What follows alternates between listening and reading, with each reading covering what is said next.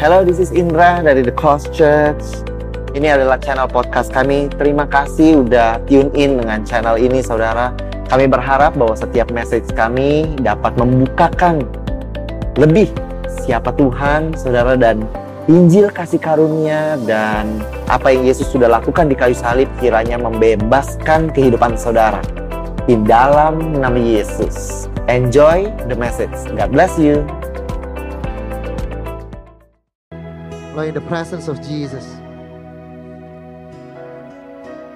fear becomes peace, weakness becomes strength. In the presence of Jesus, little becomes much, sadness becomes joy. And in the presence of Jesus, uh, nothing else matters.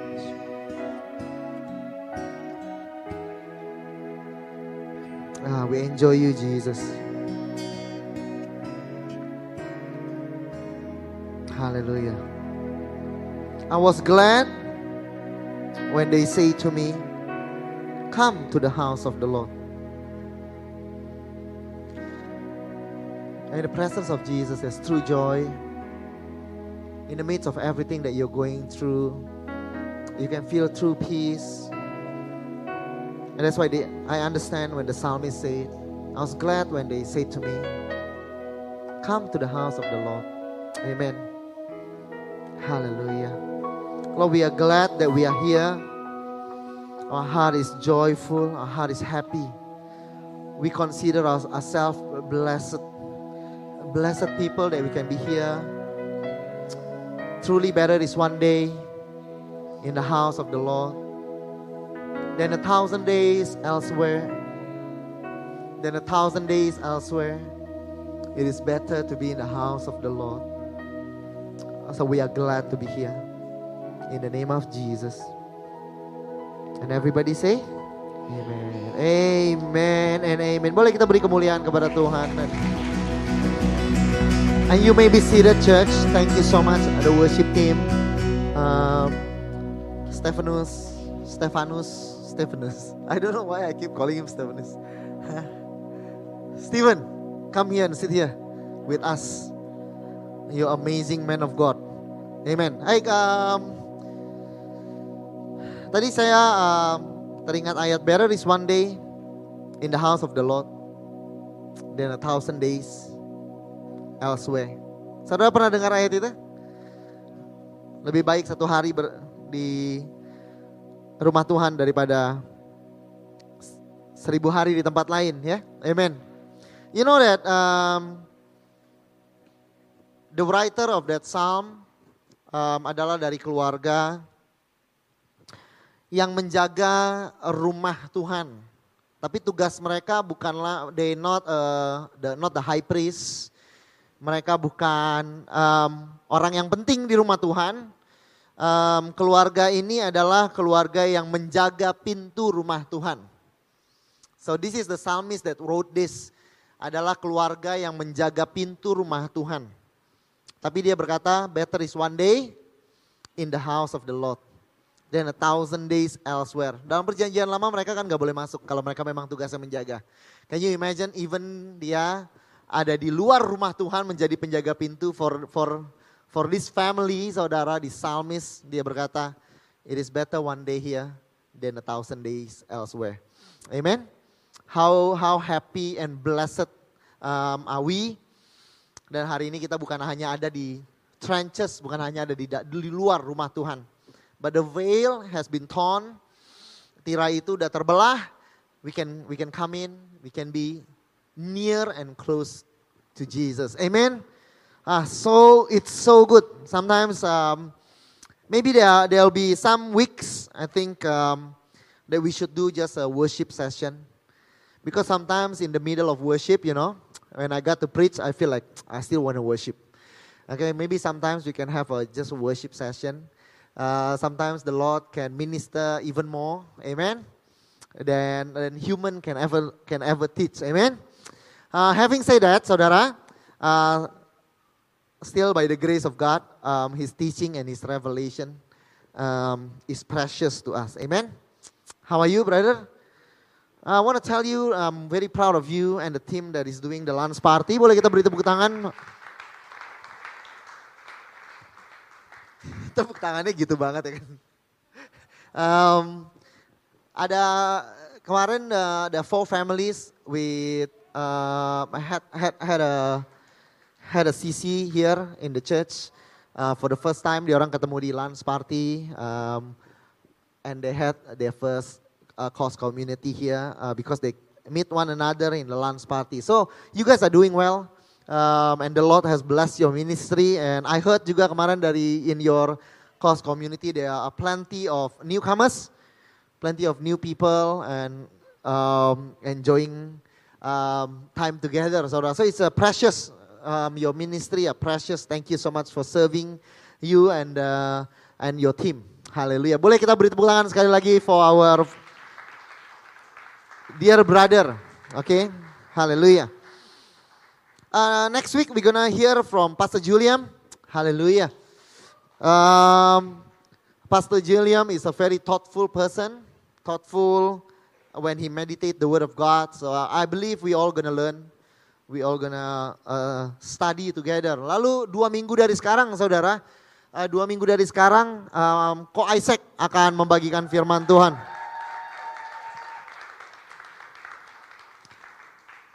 He's a scholar, saudara.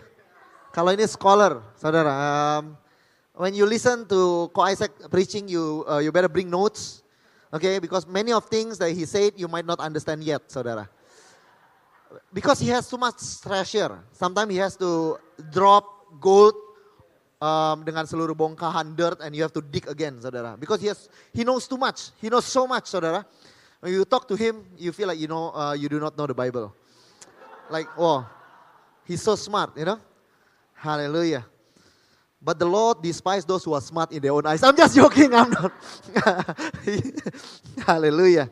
Um, today uh, is a pastoral message, saudara. Uh, Markus dari uh, Markus 4. Uh, firman ini berjudul, berjudul Hush. Hush, little baby, hush. Hush, be still. Amen. Hush, be still. Markus 4 um, ayat yang kita mungkin sudah baca, baca beberapa kali saudara. Tapi hari ini we gonna dig deeper um, to the word saudara. Pada hari itu waktu hari sudah petang. Yesus berkata kepada mereka, marilah bertolak ke seberang. Mereka meninggalkan orang banyak itu, lalu mereka bertolak dan membawa Yesus beserta dengan mereka di dalam perahu. Di mana Yesus telah duduk dan perahu-perahu lain juga menyertai dia. Lalu mengamuklah taufan yang sangat dahsyat. Sangat dahsyat. Ombak menyembur masuk ke dalam perahu. Sehingga perahu itu mulai penuh dengan air. Pada waktu itu Yesus sedang tidur di buritan. Di sebuah tilam. Minggu lalu kita berbicara sedikit mengenai ini. Jesus was asleep. Maka murid-muridnya membangunkan dia dan berkata kepada dia, Guru engkau tidak peduli kalau kami binasa. Ia pun bangun, ia menghardik angin itu dan berkata kepada danau itu, Hush, be still, diam, tenanglah. Lalu angin itu pun reda, danau itu menjadi teduh sekali. Lalu ia berkata kepada mereka, mengapa kamu begitu takut? Why are you so afraid? Mengapa kamu tidak percaya? Oh you little faith. Mereka menjadi sangat takut dan berkata kepada seorang kepada yang lain. Baru dibilang kenapa kamu takut lalu mereka menjadi sangat takut. Dan berkata seorang kepada yang lain siapakah gerangan orang ini. Sehingga angin dan danau pun taat kepadanya. Amen. This is the only uh, time di dalam the gospel, the four gospel, di mana dicatat Yesus tidur, saudara. This is the only record um, uh, Jesus having a nap atau tidur, saudara. Um, itu it is a very in, um, important theological passage karena it is important untuk untuk kita mengerti bahwa Jesus was truly human. He was fully human. Jadi ketika dicatat dia tidur ini, it was important saudara bahwa he is not only God, tapi he was God in human form. He was fully human. Tapi saudara, um, one of the things that I receive as I read this, saudara, um, maybe for some of you, saudara, maybe this is for some of you. When Jesus was tired as a human, ketika dia dibangunkan, apa yang dia lakukan berikutnya? Dia menghentikan badai. Oke? Okay? Even when he was tired, he could still perform great miracles. Even when he was tired as human, he could still perform great miracles. So I'm believing for many of you. You are parents, some of you, you are husband, you have to work hard, you have to work, you have to uh, you have to carry the the burden of the world, saudara, and then you have to come back home, and then you still have to be a good dad. Uh, some of you, you are carrying a lot, saudara. I want to I want to tell you when you're doing God's work, you're doing a good work, your parents, moms, you're, you're taking care of your children, you're tired. But I believe one thing. Yesus berkata, peace I live with you. But not only that, I believe his strength, his kind of strength, he also live with us. So even when you're tired, you can still perform great things with God. Amen. Uh, sometimes, of course, saudara bukan tired yang dia buat-buat, oke? Okay? Oh kita tired clubbing, Nah, not that ya. Tapi you're tired, uh, maybe you're a new mom, you have to wake up every few hours, or you are a new dad, you have to work um, the whole day, and then at night you have to help your wife, and the kind of tired, you know, you're, do, you're trying to do good for God, for your family, that when you're tired, there's an extra strength. It's a supernatural strength. And even when he woke up, he stopped. He stopped the wind, saudara. Amen? So there is an extra strength for each of you even when you're tired. Boleh kita beri kemuliaan kepada Tuhan? Even when you're tired after holiday in Korea, my friend. Uh, there's a friend here, they just come back, they are friends coming back from Korea. Ya, yeah, so saudara, um, di dalam cerita ini saudara, di Markus 4 saudara, firman Tuhan berkata on that day saudara, when the evening came, he said to them, let's go over to the other side. Bahkan di Matius saudara dijelaskan lebih detail lagi saudara. Firman Tuhan berkata di Matius 8 mengenai perikop ini saudara. When he got into the boat ketika dia naik kapal itu. His disciples followed him. Uh, murid-muridnya mengikuti dia. And then the hard part in walking with Jesus. Now I have been walking with Jesus for um, quite a long time now.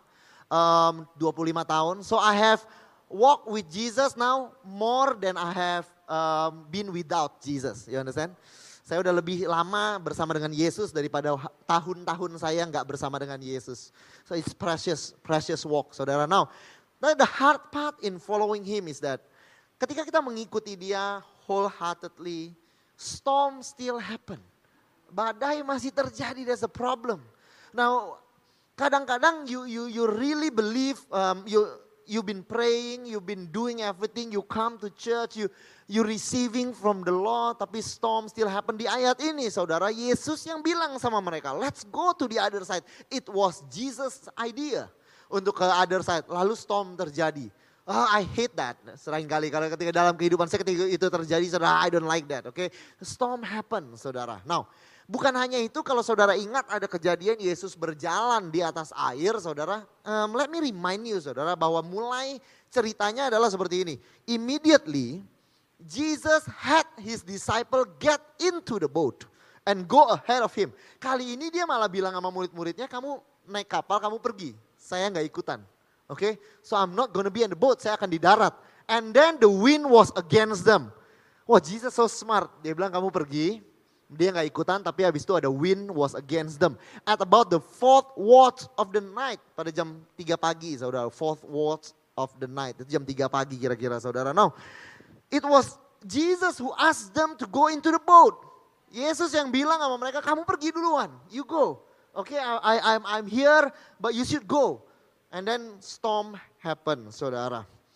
Um, I don't know if it happens to you, it definitely happens in my life, saudara, bahwa um, we, we hope that God make things smooth in our life and then suddenly things happen. We prayed for good health and then something happened. We prayed um, for good fortune di dalam bisnis kita and then it does not. Uh, and then it's rocky, it's stormy, saudara, problems after problems, saudara. And when I look at this, um, it makes sense ketika murid-muridnya berteriak dan berkata, Lord, do you not care that we perish? Karena uh, I can intimately understand what they feel. Karena kadang-kadang after I pray a lot, after I do many things, and storm still begitu besar, saudara, it feels like God is distant. It feels like God is far away. Atau yang kedua, it feels that God is sleeping, God is doing nothing. Okay, God, you are close, but it feels like you are doing nothing, saudara.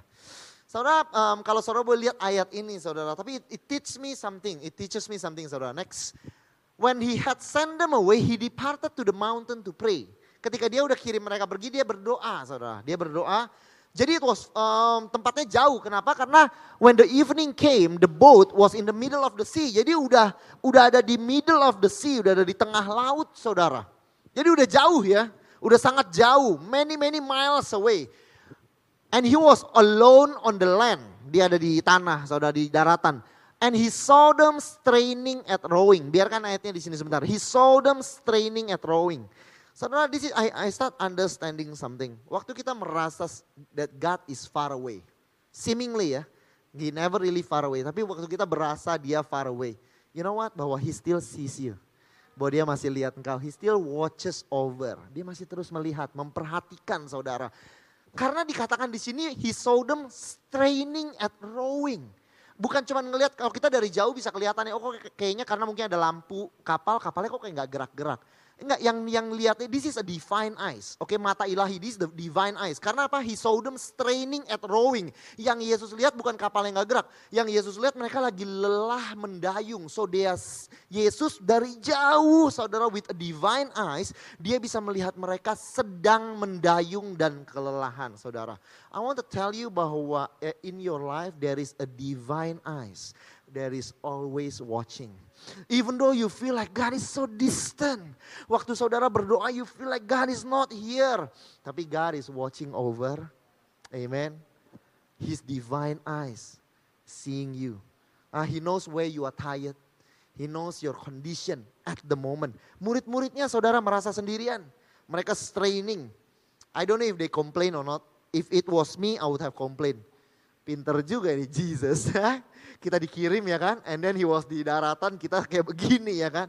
But Jesus saw them straining. So when Jesus seemed far away, he watches over. And when he, it feels like Jesus is sleeping ketika Yesus seolah-olah tertidur. It does not mean that he does not care. Jesus still care for your life even when nothing is happening. Sesuatu yang saudara inginkan belum terjadi, Jesus still care. Boleh kita beri kemuliaan kepada Tuhan. But at least you know what? Even di dalam perjalanan kita bersama dengan Tuhan, it can be hard, it can be stormy, but at least the boat will never crash. Am I correct? Amen? Paling enggak kapalnya tidak akan hancur. I'm really sorry to tell you bahwa it is not true. Karena Paulus satu kali pernah dikirim oleh Tuhan untuk menghadap kaisar, saudara. Untuk apa? Untuk bersaksi untuk Yesus loh. Next, kita lihat di kisah para rasul, saudara. And, um, when You say, Pastor, I know it's hard, tapi different from me. Untuk saya, my business closed down. It crash. Bukan hanya susah, it crash. I have a broken marriage. It crash. It's not only stormy marriage. It's crash. It's broken. And I want to show you, saudara, um, di kisah para rasul, setelah diputuskan bahwa kami akan berlayar ke Italia. Udah diputuskan istri-istri di sini untuk liburan akhir tahun. Setelah diputuskan kami akan berlayar ke Italia. Siapa yang udah memutuskan liburan? Maka Paulus dan beberapa orang tahanan lain diserahkan kepada seorang perwira yang bernama Julius dari pasukan kaisar. Jadi Paulus ada di situ dalam mandat ingin menjadi untuk menginjili kaisar. Dia akan berhadapan dengan kaisar dan akan menginjil saudara. Jadi he was there not only with the Lord, he was there exactly because of the Lord, for the Lord. Oke, okay? next. Tapi apa yang terjadi saudara? mereka pun melanggar busung pasir dan terkandaslah kapal itu. haluannya terpancang, mereka tidak dapat bergerak, buritannya hancur dipukul oleh gelombang yang hebat, saudara. So, not bukan hanya saudara uh, ke, kadang ketika Yesus minta kita melakukan sesuatu kita berjalan dengan Yesus, bukan hanya there is a wind that is against us. And then we feel bahwa ada storm yang begitu besar yang ingin airnya masuk ke dalam kapal, it wanna destroy the the boat. Tapi saudara, there are times in our Christian life the boat even crash. Even the boat crash. The business yang didoakan, banyak ya orang kalau lagi memulai bisnis, di ruko misalnya gitu, panggil pastor untuk doakan. Oke, okay? I prayed for some businesses. They called for some businesses. Some of the things that I prayed for has closed down. Sorry to say, they closed down. And they did not call me to pray for the closing. it, it, it is like that, isn't it? Like, why is that that sesuatu yang kita we pray about bukan hanya stormy, tapi kadang it crashed down altogether. The marriage was broken, mungkin. The financial condition is not good uh, the miracle that we are asking for does not happen, saudara, tidak terjadi. Um, the business that we are believing for, semua orang kalau lagi memulai sesuatu pasti dengan faith, benar kan? It will happen, amen. Tapi it crash down, saudara. So um, maybe that happens in our life, in our Christian life. Wanna, uh, saya pernah tunjukkan ini kepada saudara kalau mungkin saudara ingat. Do you know sekarang saudara, Paulus pada saat itu terkandas di pulau apa? Ingat gak namanya? Nama pulaunya? Pulau Malta, benar. Uh -uh. Malta, iya Malta, benar. Uh -uh. I don't know Malia mungkin nama lainnya, tapi it's okay. Tapi Malta, di, di, di pulau Malta saudara. Do you know um, if you look up the name of Malta saat ini, island terbesar di pulau Malta itu, namanya apa now? Do you know the name? Next. The name is St. Paul Island. So even saudara, the island namanya diubah menjadi Saint Paul Island. I want you to know bahwa kalau ketika saudara merasa bahwa Yesus nggak ada bersama dengan saudara dan jauh, He watches over. Ketika saudara merasa Yesus kok tidur, artinya Yesus kok kayak nggak ngelakuin apa-apa. It does not mean He doesn't care.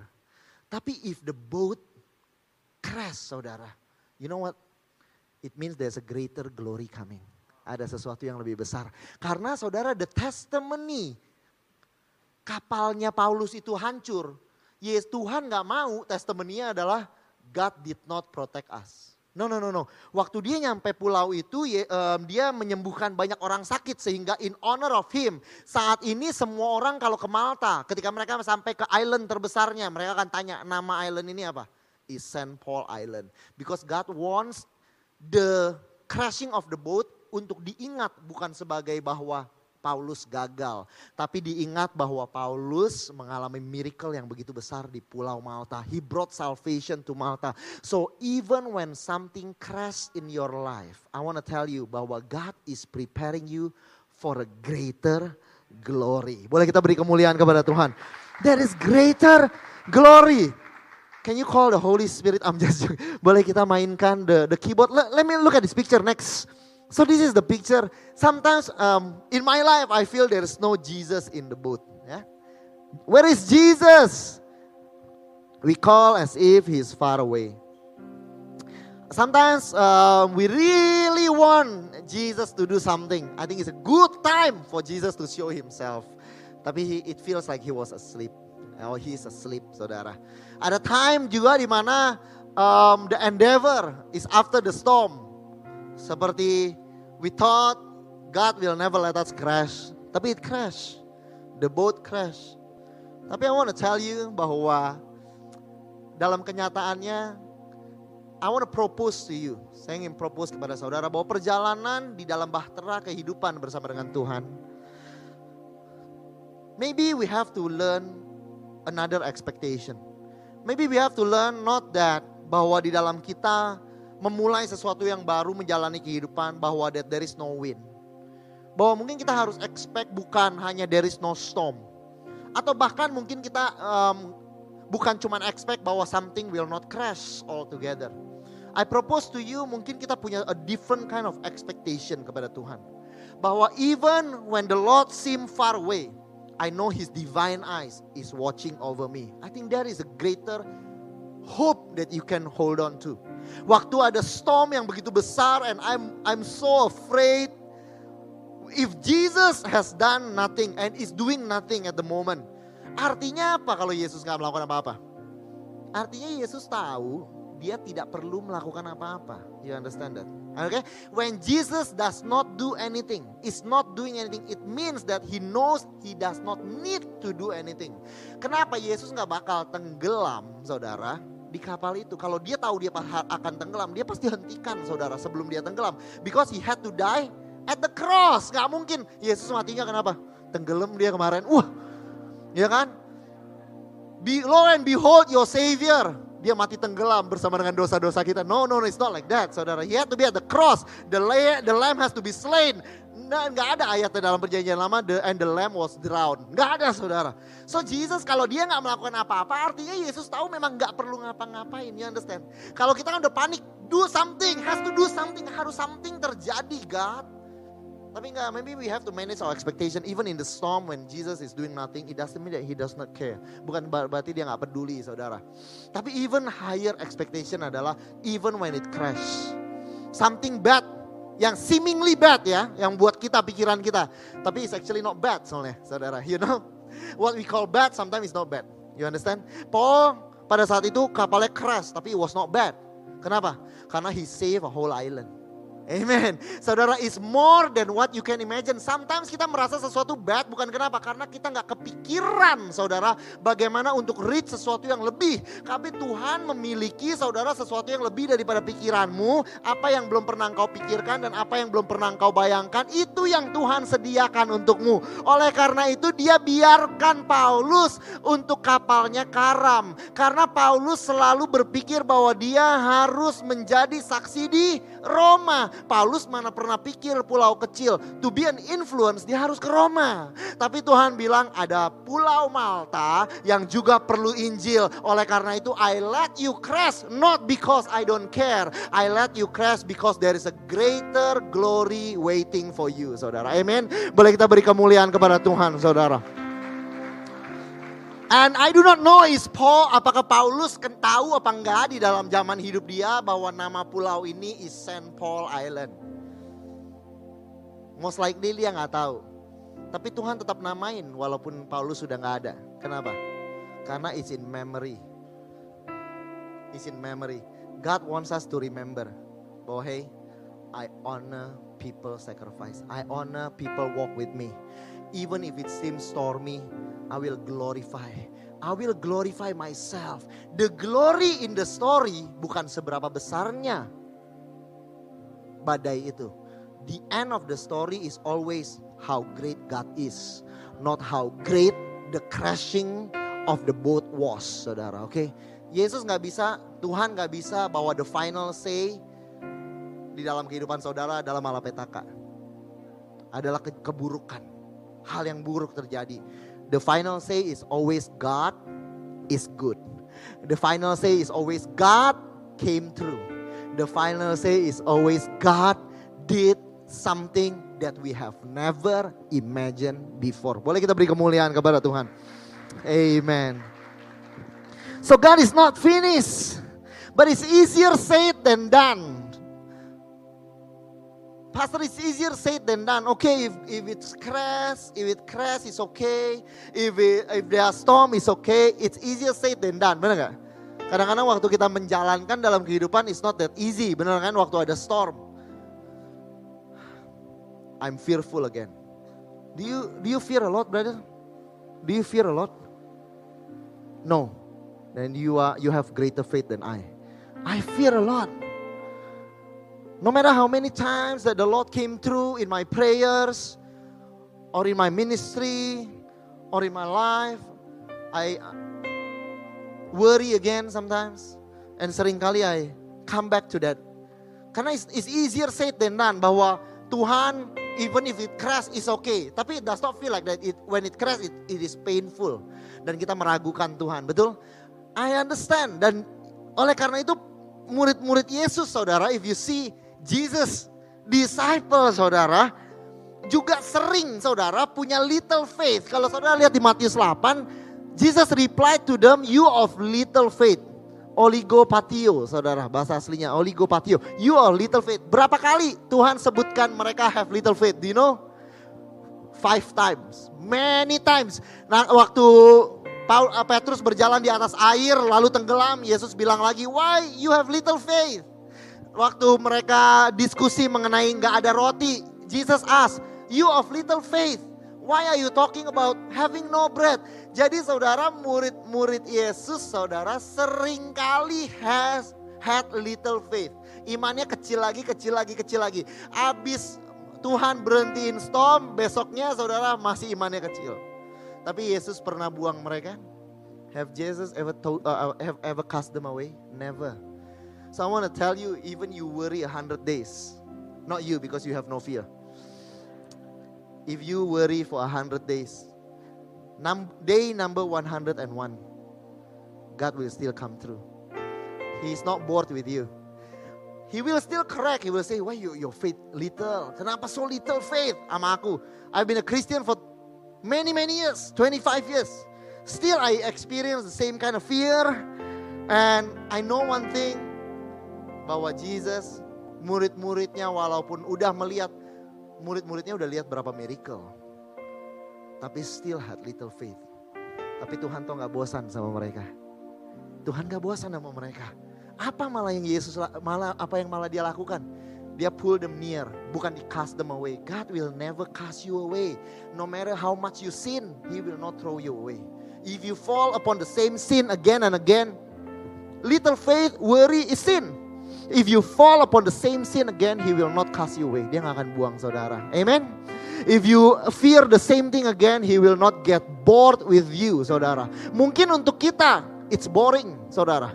Mungkin untuk kita dengerin uh, masalah daripada orang lain kita udah bored saudara. Saya mau kasih lihat kenapa mereka takut. Oke, okay, ada ada ada word play, ada permainan kata-kata di dalam perikop ini saudara. Let let us see. Next.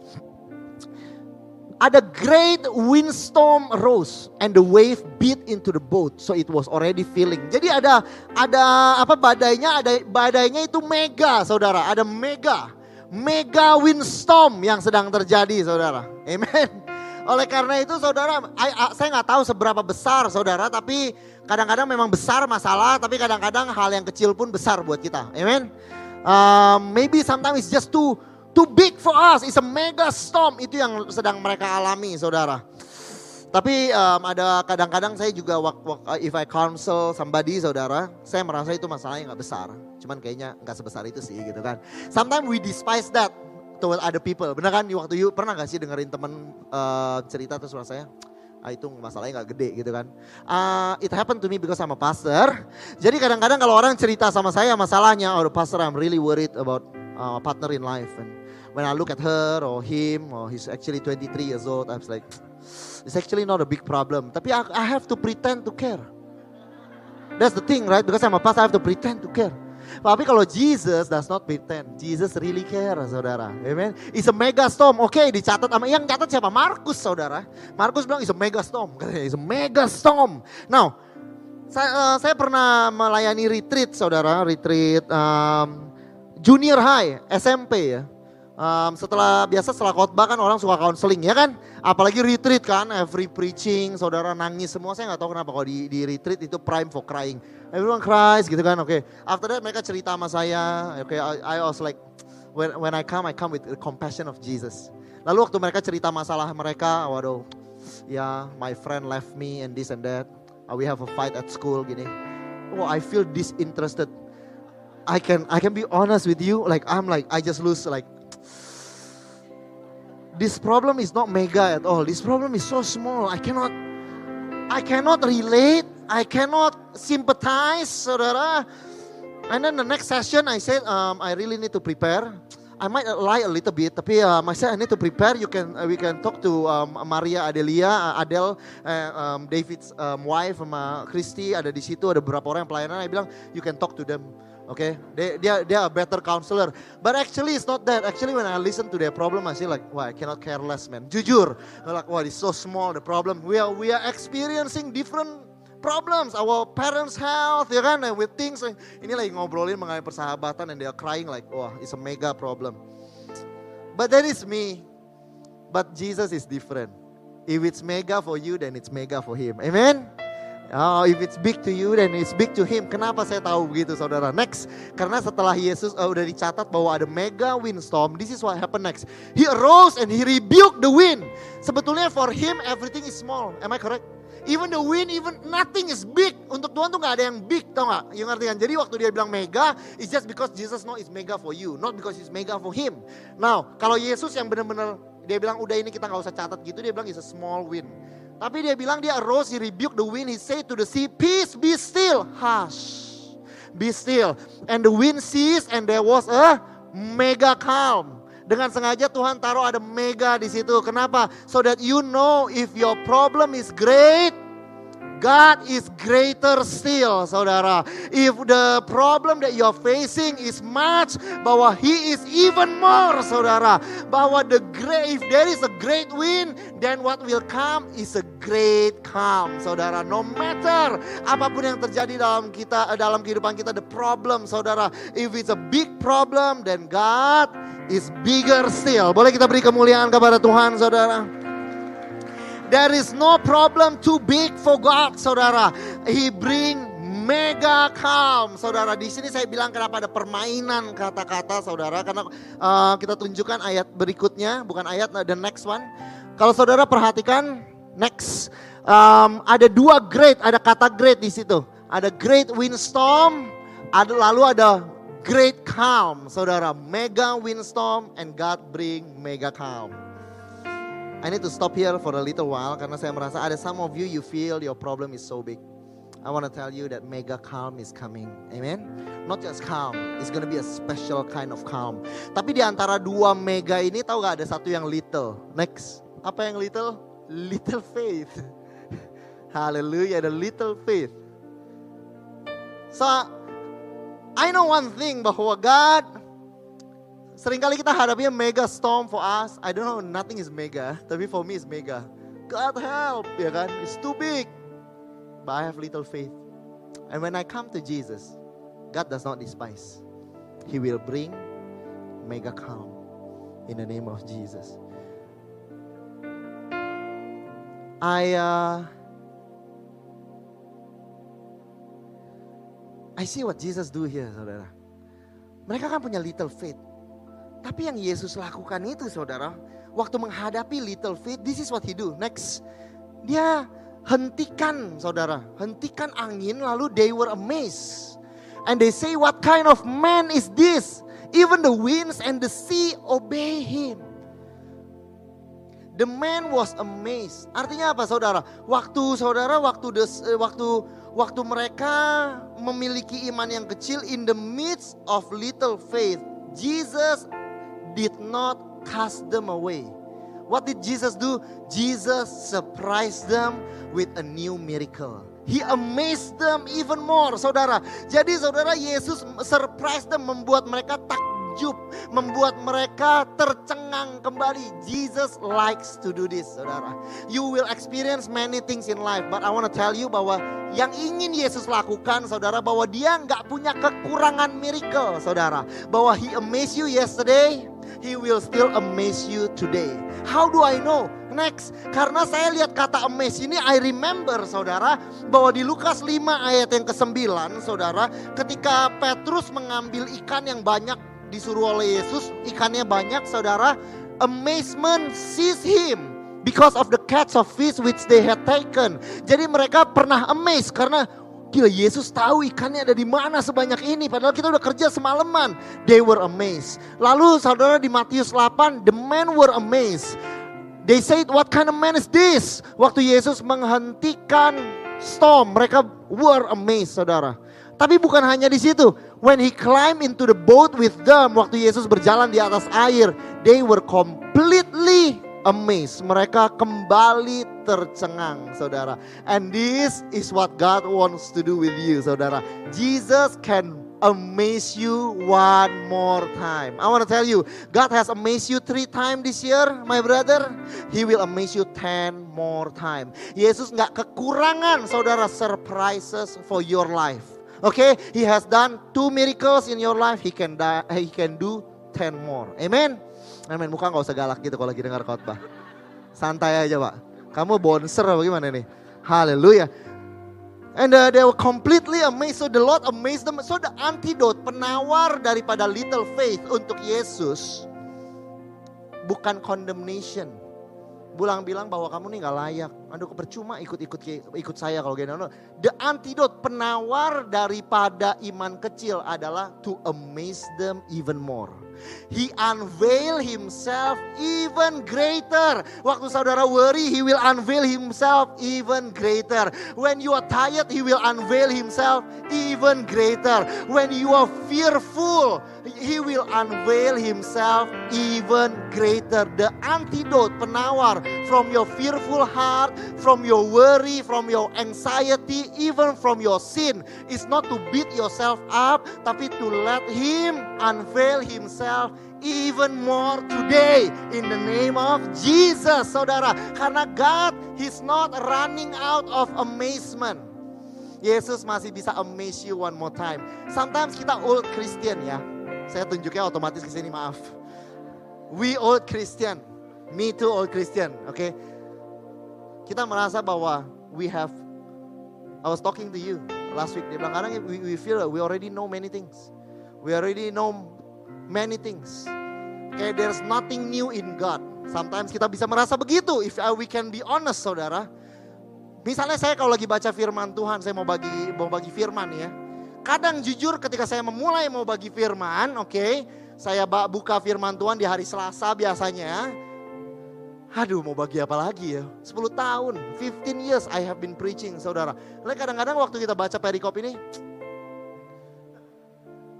apa repeat yang itu aja ya kayak pasang video YouTube yang dulu kenapa like it's like it's almost like there's nothing new tapi I was always always proven wrong. Jesus always show himself new because there is new mercy every morning, saudara.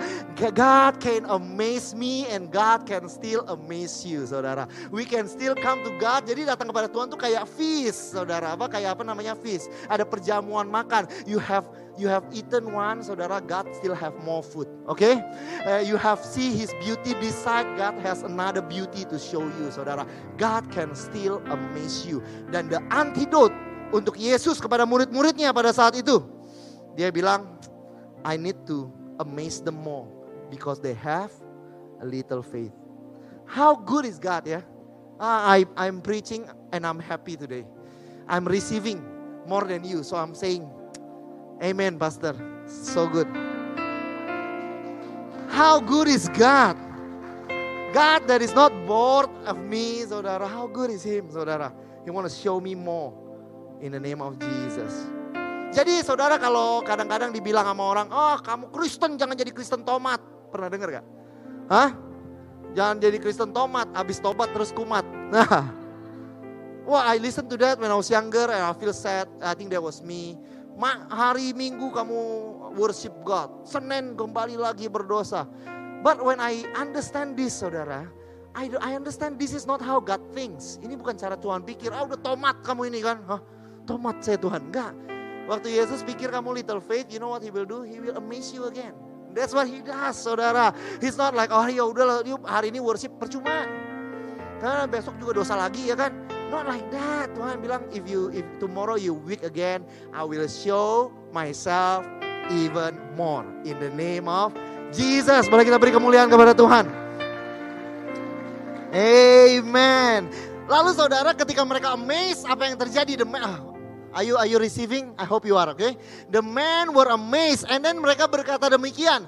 What kind of man is this? Orang macam apa? Kalau orang daerah bilangnya ya. Kalau orang Jakarta manusia seperti apa dia? Oke, okay? orang macam apalah ini ya kan? What kind of man is this? That even the winds and the sea obey him. Bahkan dia bisa berkata hush, be still. Saudara, they they miss the point. Do you know why? This is the beauty if you have read the Bible over and over by the grace of God, okay? Because sometimes I see things yang Tuhan mau kasih tunjuk. Dia bilang remember Psalm 89.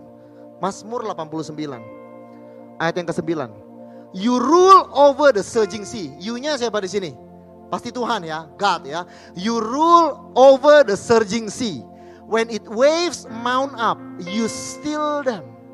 Waktu ombak itu bergejolak, engkau menenangkan mereka. Engkaunya siapa? God di Psalm, oke? Okay? You rule over the Jadi waktu Yesus berkata, "Hush, be still." Pelajarannya bukanlah what kind of man he is. Mereka tanyanya orang seperti apa dia. Padahal jelas kalau dia bisa menenangkan laut, he is not usual man. He must be God, saudara. He must be the son of God. Karena di Mazmur berkata yang rule over the surging sea is God. Waktu yang yang dapat menenangkan laut is God. You still them God. Itu yang dikatakan oleh permasmur. Tapi murid-muridnya waktu mereka mendengar Yesus hentikan laut, eh hentikan laut, hentikan ombak, saudara, mereka cuma bilang gini, what kind of man he is. Artinya belum ngerti kan. Mereka belum ngerti dia Tuhan, saudara. He doesn't understand. Like me, udah mau dengar berapa kali, masih nggak ngerti juga. So there are many, many new revelation. Amen. That you will bring two weeks from now. Amen. We are ready. We are ready to get our mind blown. Amen. Haleluya. Now, saudara ketika Yesus, saudara, mereka belum ngerti juga I understand. Saya ngerti kenapa Yesus di tadi kan di Markus 4 ya. Lalu di Markus 8 eh, Markus 6 Yesus bilang begini, "You go to the other side without me." You go to the other side. I understand. Next, karena saudara, saya pernah baca ayat ini di di Ayub. Saya pernah share ayat ini saudara di Ayub. He alone spread out the heaven. He-nya siapa ini? Tuhan. Tuhan yang membentangkan langit, betul? It must be God and treads upon, he walks on the waves of the sea. Yang berjalan di atas ombak, itu juga Tuhan. Oke, okay? oleh karena itu dia bilang sama disciple-nya, kamu pergi deh ke ke seberang. Mereka pergi seberang, ada ombak lagi, next. And the disciples saw him walking on the sea. They were troubled. When they got into the boat, the wind ceased. Those who were in the boat came and worship him. And they say, truly, Biarkan ayatnya di sini. Truly you are the son of God. Jadi waktu Tuhan melakukan uh, Mazmur 89 ayat 9, dia berkata dia still the sea. Mereka masih tanya what kind of man he is. Mereka belum ngerti. You know what God did? He find another way to explain that I am no man, that I am God, that I am the son of God. Oleh karena itu dia kirim mereka, dia buat kelas baru, dia kirim mereka suruh pergi ke seberang, lalu di tengah-tengah mereka ke seberang, dia jalan di atas di atas di atas um, ombak. Dia lakukan Ayub 9 ayat yang ke-8 agar mereka bisa mengerti saudara. For us who are slow to understand, I want to tell you bahwa God will find another way to explain explain to you himself. Tuhan saya nggak bisa ngerti. Kalau yang khotbah Pastor Indra, he will find another pastor to teach you. Ya, saya nggak bisa ngerti kalau kok Isaac, he will find another way to teach you. I do not know. Ah, saya nggak bisa meditate the word of God seperti ini. I don't understand. I want to tell you bahwa Tuhan tidak kekurangan akal untuk mengajar and get into your heart, saudara. Mereka, saudara, udah um, anak manusia, saudara. The Son of God, saudara, udah menghentikan ombak saudara dan mega storm dengan mulutnya hush be still. Mereka masih nggak ngerti dia Tuhan. What kind of man he is. Yesus ulang lagi. Dia bilang, you go.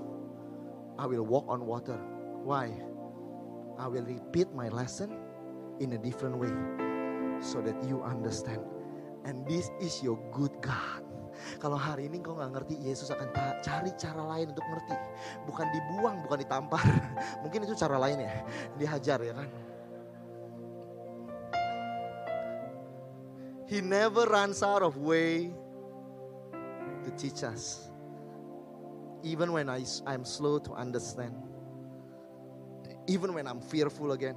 Even when I sin again. For the hundredth time I sin again. He will find another way, you know, to get you back, to help you, to hold your hand. Hold my hand, brother. Do you feel that? Yeah, yes lagi. What did you feel?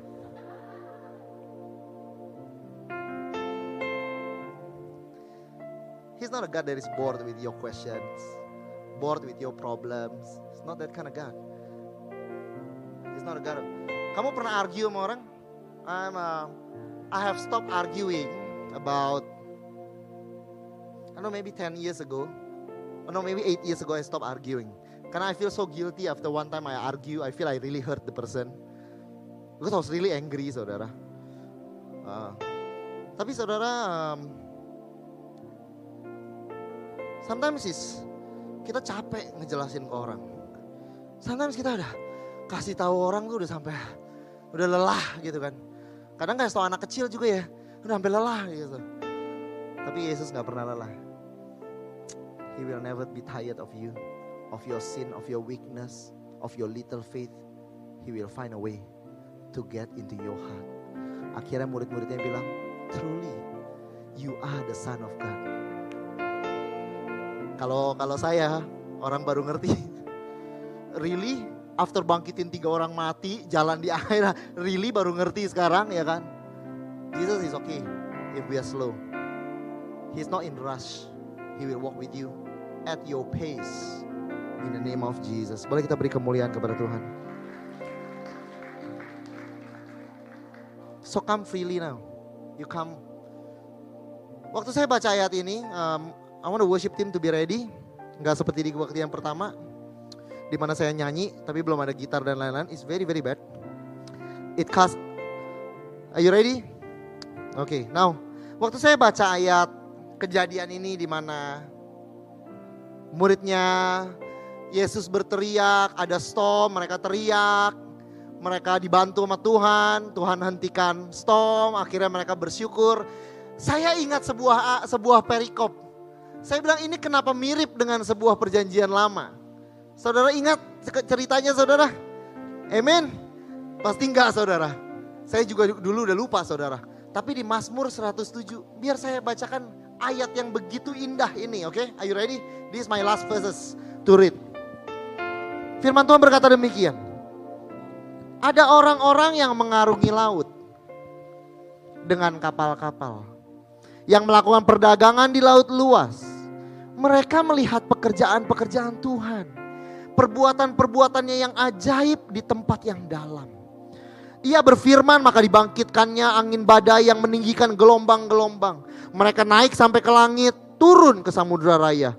Jiwa mereka hancur karena celaka. Murid-muridnya kan bilang kan, we will perish. Jiwa mereka hancur karena celaka. Mereka pusing, terhuyung-huyung seperti orang mabuk dan kehilangan akal. Makanya mereka kehilangan akal. Mereka bilang apa? Lord do you not care? Padahal the Lord baru kasih mereka makan. Sampai kehilangan akal mereka. Maka berseluruh mereka kepada Tuhan di dalam kesesakan mereka. Oleh karena itu mereka bangunkan Yesus. Jesus wake up. Mereka berseru kepada Tuhan dalam kesesakan mereka. Dikeluarkannya mereka dari kecemasan mereka. Dibuatnya badai itu diam. Sehingga gelombang-gelombangnya tenang. Ditenangkan gelombang itu. Seperti Yesus tenangkan. Mereka bersuka cita. Mazmur 107 berkata. Sebab semuanya reda. Dituntunnya mereka ke pelabuhan kesukaan mereka. Biarlah mereka bersyukur kepada Tuhan karena kasih setianya, karena perbuatan-perbuatannya yang ajaib terhadap anak-anak manusia. Biarkan ayatnya di sini sesaat. Mereka semua pernah baca dan pernah dengar ini. Oke? Okay? Karena kalau mereka ke sinagog, ayat semua ayat pasti dibacakan. Saudara, their parents will have read them uh, the, the the the scripture itu adalah nature orang uh, Judaism saudara oke? Okay? um, orang-orang pengikut Tuhan pada zaman itu. They will repeat. Artinya mereka pernah dengar saudara. Lalu saudara I understand kenapa mereka harus pergi. Let's go to the other side. Lalu mereka harus naik kapal lalu harus ada badai. I understand. Karena God does not want them to only read did not want them to only read the verses. Tapi God wants them to live it Tuhan mau mereka alami saudara. Mereka udah pernah baca ini, oh Tuhan menghentikan badai. Mereka bersuka cita, kasih setianya besar. Sometimes read it saudara, is just theory saudara. Tapi tuh Yesus bahwa mereka bukan just read atau hear the goodness of God. God wants them to taste. God wanted them to taste and see that God is good, saudara. Tuhan mau mereka rasakan dan Tuhan mau mereka nikmati betapa baiknya Tuhan itu. Jadi ketika Tuhan bawa mereka dari satu sisi ke sisi lain, bukan karena Tuhan jahat, bukan karena Tuhan gak peduli, tapi karena Tuhan ingin menunjukkan kasih setianya dan perbuatan-perbuatannya yang ajaib, saudara. That was the purpose, saudara. So that they get to live the word of God, saudara. So I understand now bahwa apa pun yang saya alami, if my boat crash, agar saya tidak hanya memiliki teori mengenai bagaimana there is a greater glory, I understand bahwa God will never harm me. If it happen, it is because He wants me to also taste and see that the Lord is good. Saya bisa alami ini, bukan hanya saya baca, tapi saya bisa alami. So when things happen in your life, it's not because God is cruel to you, tapi karena you have read verses bagaimana Tuhan sembuhkan orang ini, bagaimana Tuhan pulihkan hutang orang itu, bagaimana Tuhan bantu keluarga ini. Tapi when you read, you don't only gonna read in your situation, you gonna live it. God will make sure that you experience His goodness yourself. He will make you experience His kindness dan perbuatan yang ajaib is not just word that is written atau hanya untuk dia atau hanya untuk dia. It is for you and you are going to experience it yourself. Taste and see that the Lord is good. Whatever it is that you are experiencing some of you you are waiting for a child. Some of you you are waiting for a healing.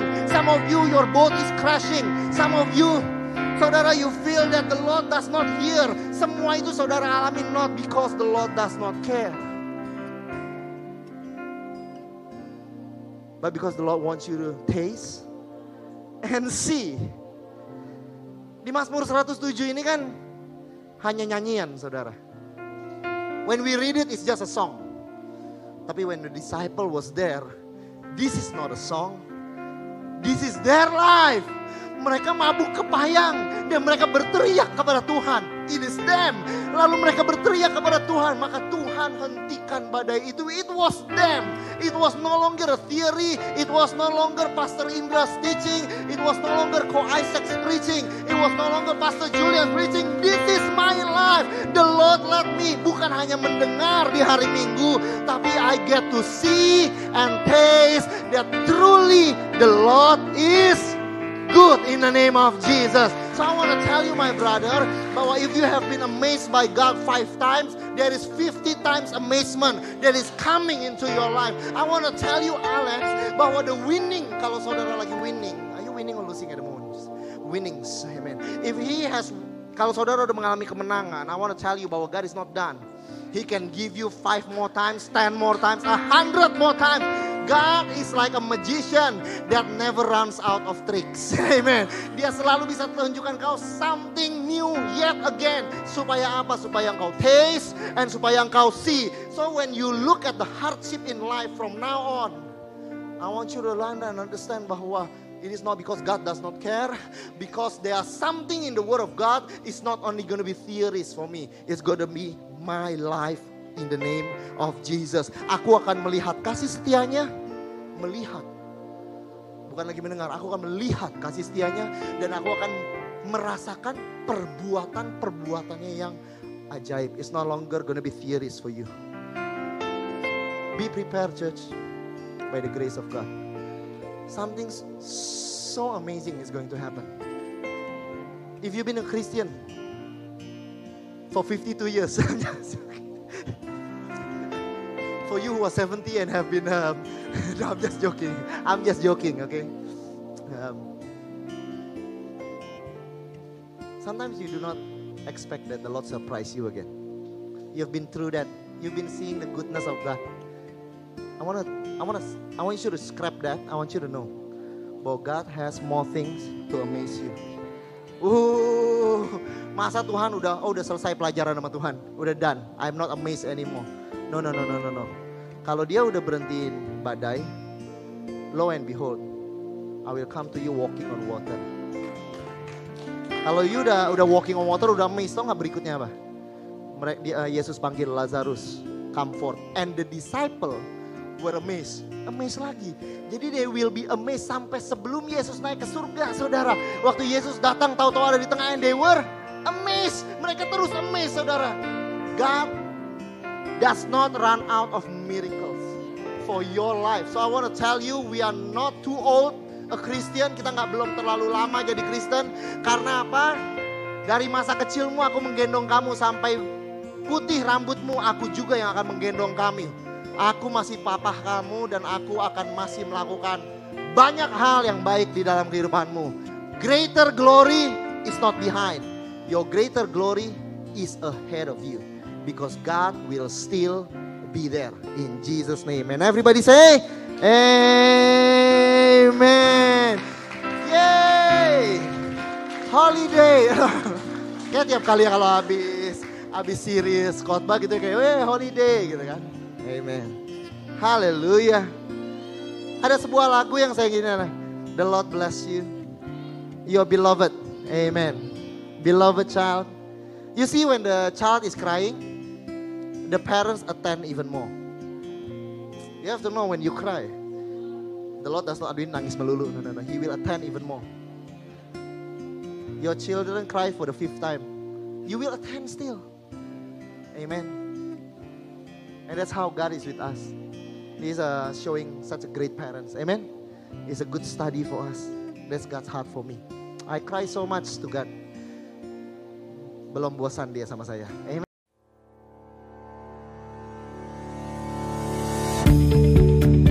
Terima kasih lagi sudah mendengarkan episode ini saudara dari podcast ini. Thank you so much saudara.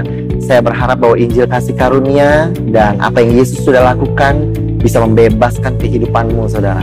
Kalau saudara diberkati, saya mengundang saudara untuk share saudara um, sermon ini baik secara pribadi pada your friends and your family saudara atau you can screenshot dan kau bisa bagikan kepada sosial media saudara dan jadilah terang saudara. I hope um, message ini melalui saudara bisa memberkati lebih banyak orang lagi. Dan kalau saudara diberkati, saya mengundang saudara untuk subscribe kepada channel podcast ini. Again, I want to thank you. Berterima kasih kalau saudara mendengarkan dan mengizinkan dirimu diberkati dari apa yang kami lakukan. Terima kasih, Tuhan berkati. God bless you and bless you and bless you again. In Jesus' name. Amen.